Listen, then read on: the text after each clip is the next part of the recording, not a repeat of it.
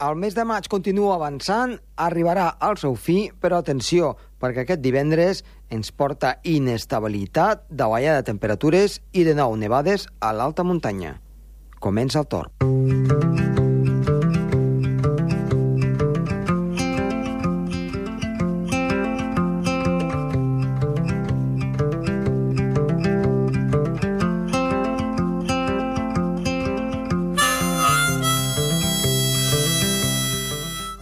Aquest mes de maig, que porta precipitacions, a vegades calorades i també a vegades nevades, és molt típic aquestes variacions tan ràpides i en tan poc temps, i això és el que hi haurà a partir d'aquesta propera matinada i sobretot divendres. Sembla que el cap de setmana ha de ser més estable, pot ser una miqueta uh, fresquet, però amb tendència a la millora, excepte dissabte. De totes maneres, parlarem precisament amb Gerard Tauler d'aquest mes de maig, que està sent un dels més freds dels últims pràcticament 30 anys. I a més a més, avui tenim a David Comas, que ens parlarà justament d'aquesta entrada de la borrasca de divendres, i a més a més ens anirem cap a Menorca, cap al Mediterrani, per parlar d'un naufragi que justament va tenir molt a veure amb les borrasques que hi han al Mediterrani. Som-hi!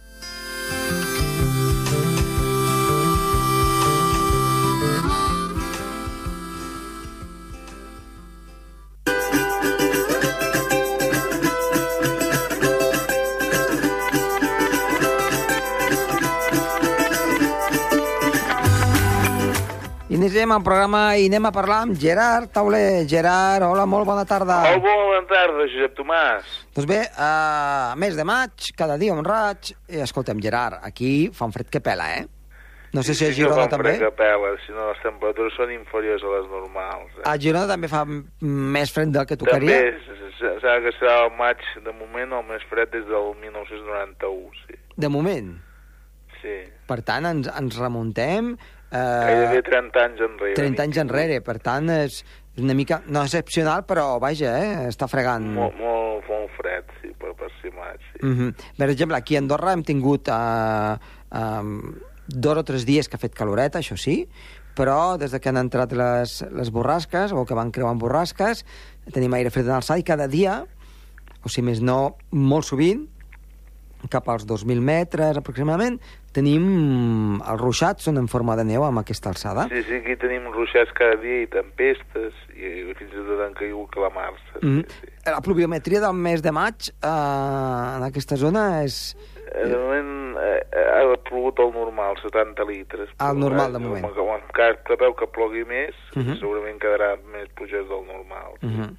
Per tant, estem en una línia uh, ascendent en quant a precipitacions. Ascendent, sí, sí, en canvi descendent en temperatures. Sí, Mhm. sí. Normalment també va associat, no?, quan eh, hi ha més precipitació. Normalment sí, aquesta època sí. Les primaveres plujoses acostumen a ser fresques. Fresques. Revés, Si són seques acostumen a ser càlides. Uh -huh. Escolta'm, i el, el fet que aquest any, de moment al mes de maig, estigui sent més fred i més plujós o nivós a la zona del Pirineu i zones properes, eh, quina és, la, diguem-ne, quines són les peces que han, que han fet que de, de moment això... l'anticicló de- bloqueig que hi ha ben bé a, a Escandinàvia i a Rússia, eh, Mhm. que fa que les pertorbacions vinguin cap a les nostres latituds i ens portin aire fred en alçada i, i també en superfície. Per tant, la, la, la borrasca d'Islàndia típica, no? Sí, doncs es, està, es troben a les nostres latituds més aviat. I, i, i baixa... Cap de setmana la temperatura va arribar a baixar fins a 25 graus o 5.500 metres. Mm -hmm, de, clar, clar. És una temperatura molt, molt, molt baixa. Per ser, per ser maig, sí. Mm -hmm. uh, amb aquesta alçada, 5.500 metres, és la temperatura, diguem-ne, de, de la troposfera mitja, on, on Sí, una, mi, una mica pels nostres oients, sí. eh? Per, en, què es, en què es mesura la temperatura, la qual ens dona una indicació de que hi pot haver inestabilitat o no. L'estabilitat sí hi ha una, una, una bona massa d'aire fred, sí, sí. A, a partir de quina temperatura podem, podríem dir que es poden formar... Però clar, depèn de, de, del mes de l'any, no? Ja. Clar, Clar, evidentment. l'estiu amb 10, de, amb 12 sota 0 ja és aire fred. Ja. En canvi d'hivern ben bé fins als 28, 30, sota 0 no és aire fred ben bé. Mm -hmm. Per tant, el que dispara les tempestes és aquest aire fred. Clar, i també el contrast amb, el, amb la temperatura que pugui haver-hi Mhm. en superfície. Clar, que també, els últims dies les temperatures en superfície han pujat molt. Mhm. molt. costa d'arribar a 30 a Girona, que altres anys hi havíem arribat força vegades ja que, aquestes dates. Mhm. Però Aquest any... En canvi, a, a l'hivern costava molt poc de passar de 20, és curiós aquest any, és una mica normal, la veritat és que sí. Mm. No sé si has pogut donar algun cop d'ull als, als models a més llarg termini, No, pel mes de juny, si apunta a la mateixa direcció, o... no, no ho he mirat, no. no. Su- Suposo que, algun dia canviarà la tendència de dir que hagi de fer molta calor, però potser es normalitzarà. Mhm. Per tant, hi ha una tendència a la normalització, vull dir que aquest fred es, es vagi acabant. Sí. Ara que és temps de, de, de bodes i comunions, potser, Sí. potser ja la tendència hauria de ser una mica més a, a, a la calma i la, i la tranquil·litat. I una mica de, de pujar de temperatura, sí, sí. Molt bé, Gerard. Doncs Molt bé. ens retrobem la setmana vinent. Vinga, fins la setmana vinent. Adéu-siau. Adéu.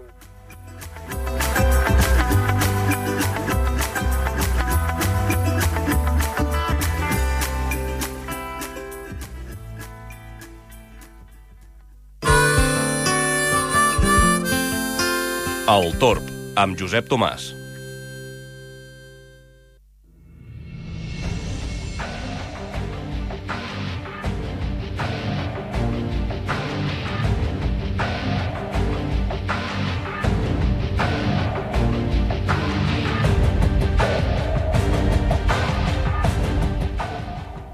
En l'entrevista d'avui tornem a tenir el nostre company amic, en David Comas. David, molt bona tarda.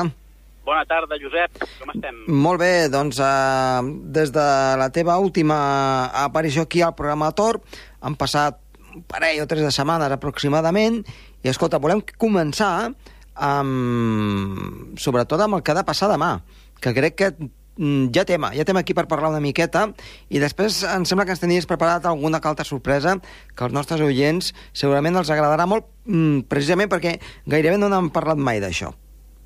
Sí, ens anirem a, al mar Mediterrani i més concretament cap a Menorca. Però sí, si et sembla, parlem una mica del canvi de temps de demà. déu nhi no? Aquest sol eh, amb ve bassa que arriba doncs, eh, demà al matí, ja, Mhm. no? Tindrem xàfecs demà al matí, sembla, i, i una important baixada de les temperatures, no, Josep?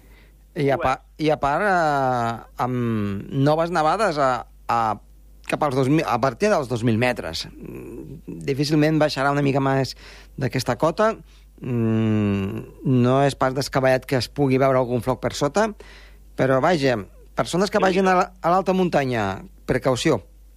Doncs sí, déu nhi no? Quin, quin mes de maig, Sí, temperatures? Mm, de fet, ho, ho, ho, bastant par... per sota del que toca, no? Sí, sí, ho parlàvem justament en a l'inici del programa amb, amb en Gerard Tauler sobre, sobre que aquest mes de maig està sent un dels més freds de, dels darrers anys, si més no dels últims 29-30 anys, eh, que porta estadístiques de tot arreu, ens, ens parlava d'això, de temperatures una mica, una mica més baixes. I tu, eh, David, com ho veus a nivell de que aquí, a part del Pirineu, de que pugui haver-hi eh, precipitacions, fora del Pirineu, el tema de tempestes que en, el, en els foros eh, de les xarxes socials està força calenteta la cosa, sembla que pot haver-hi una mica de moguda meteorològica.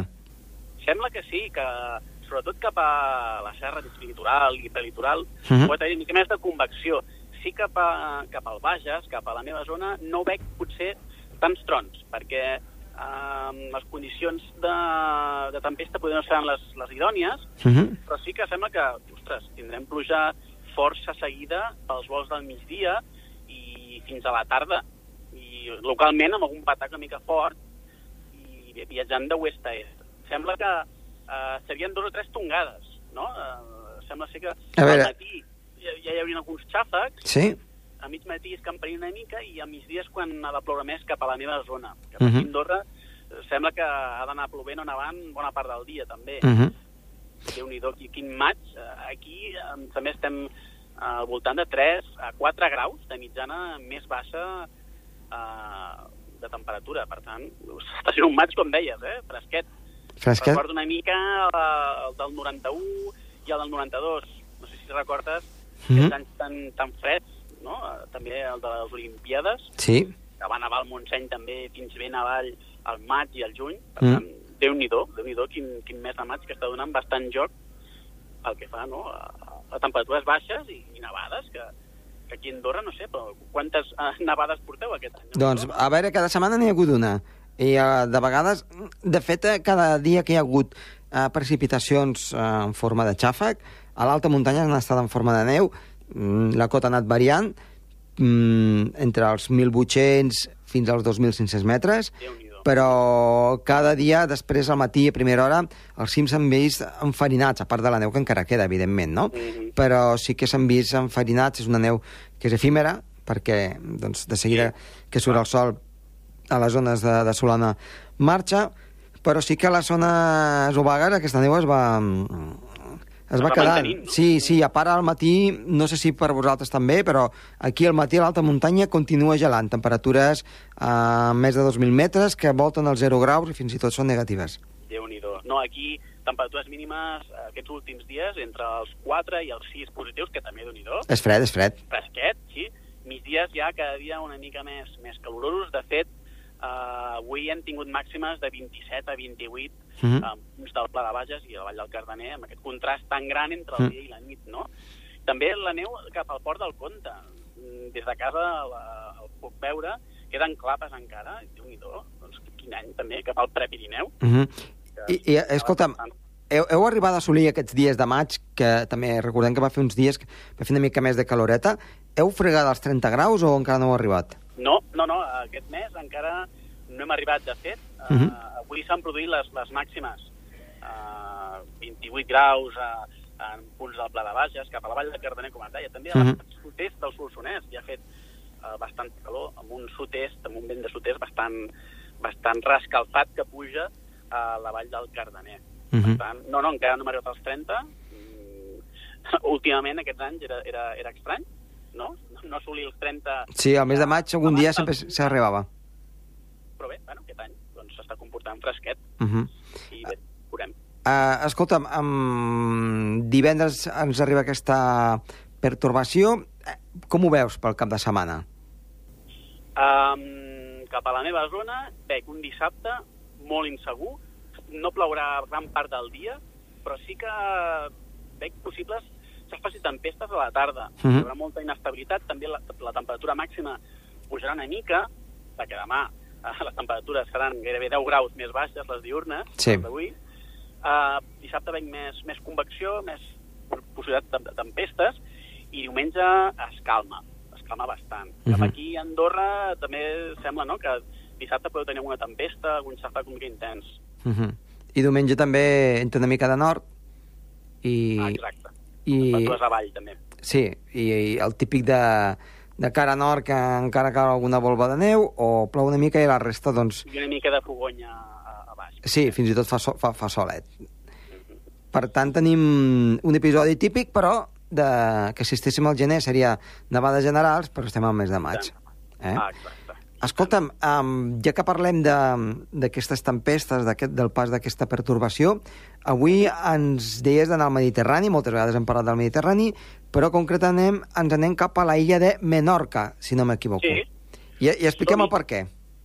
Doncs sí, uh, viatgem, si us sembla, doncs cap a inicis del segle XX. Uh, això va ser el dia 9 de febrer de 1910. Um, hi havia vents huracanats, fortes tempestes a tot el mar Balear, i és que es va formar una, una forta borrasca al sud-est de França.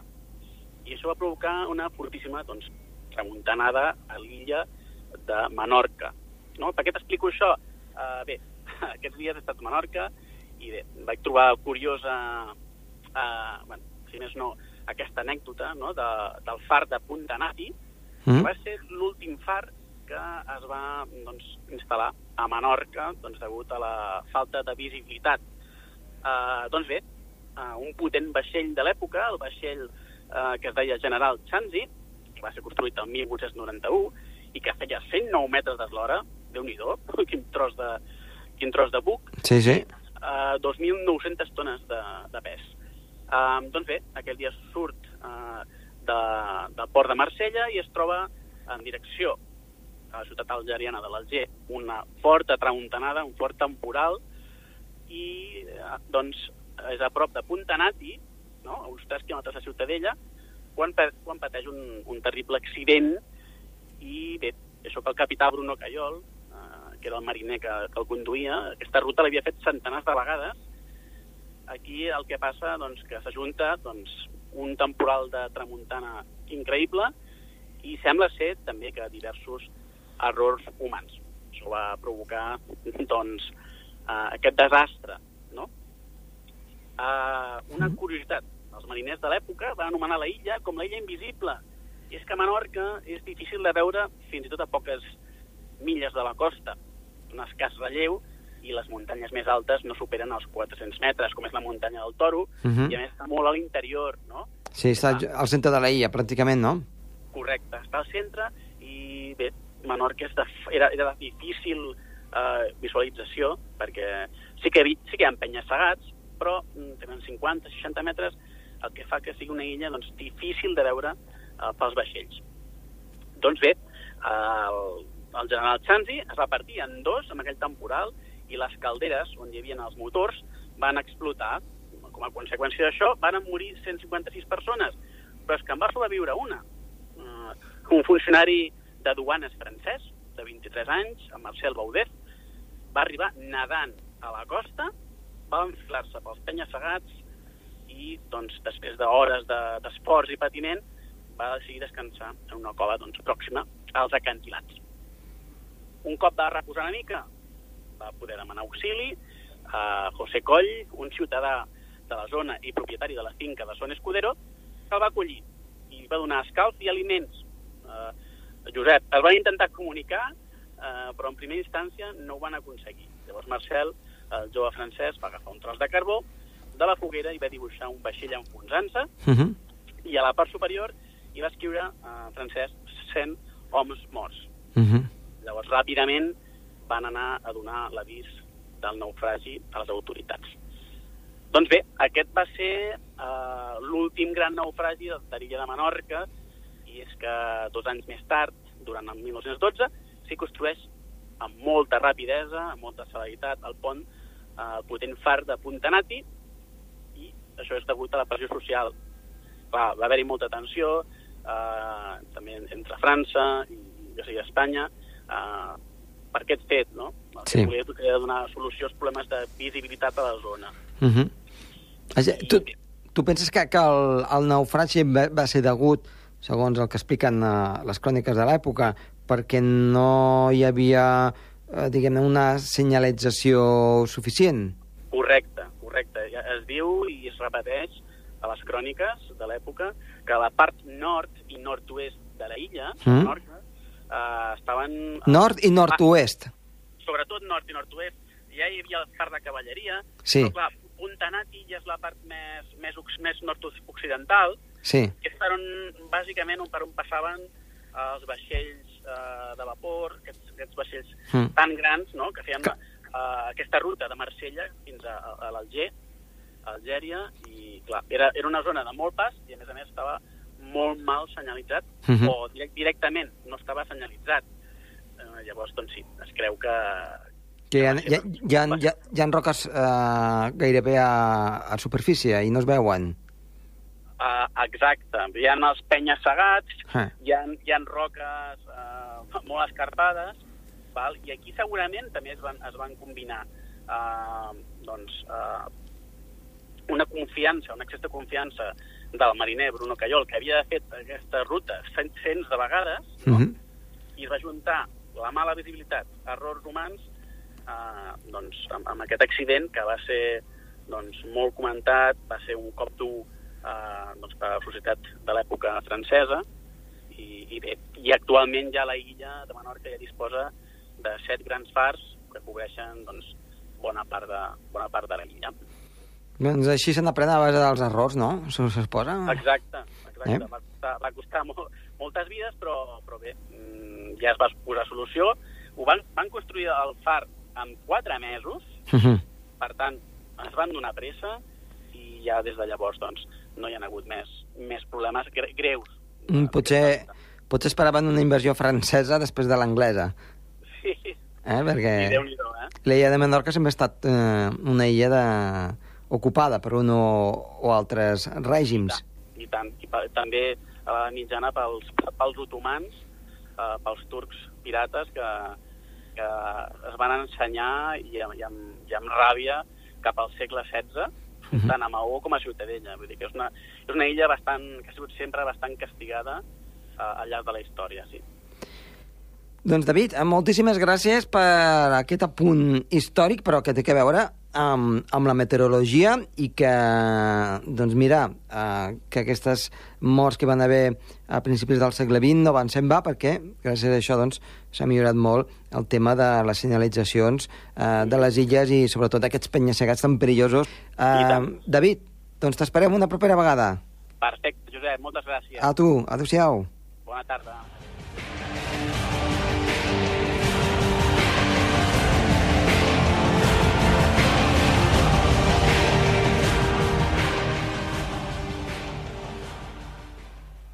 El Torb, amb Josep Tomàs.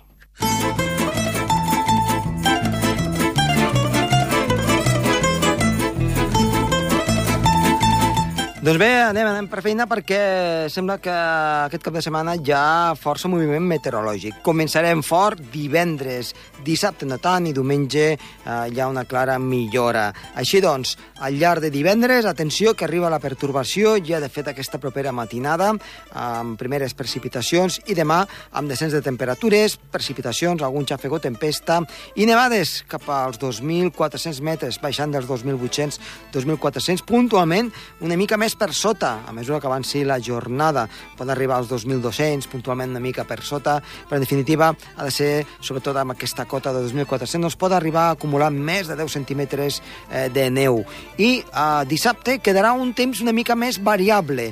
Ja amb alguna clariana, un temps una mica fresc, al migdia pujarien les temperatures, però pot haver-hi, i de fet hi ha d'haver ruixats. Per tant, si anem a l'alta muntanya, precaució dissabte perquè encara no acaba de marxar la inestabilitat. Diumenge, al matí primera hora, a l'extrem nord del país pot haver-hi alguna molt feble precipitació, mentre que la resta núvols i clarianes que ràpidament donaran pas al sol a mesura que avanci al matí migdia. A la tarda el sol lluirà gran part del país, excepte a l'extrem nord on encara quedarà una mica de nuvolositat. En definitiva, el pas d'un front i després el vent de component nord seran els protagonistes que diumenge ja pràcticament eh, s'haurà acabat tota aquesta inestabilitat amb tendència a que la setmana que ve, atenció, partir de març dimecres pot arribar més fred i nova davallada de les temperatures, potser amb més precipitacions.